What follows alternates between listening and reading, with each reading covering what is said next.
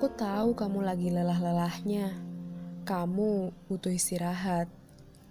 Aku tahu kamu lagi banyak banget hal yang harus kamu kerjakan. Banyak to-do list yang udah numpuk kan?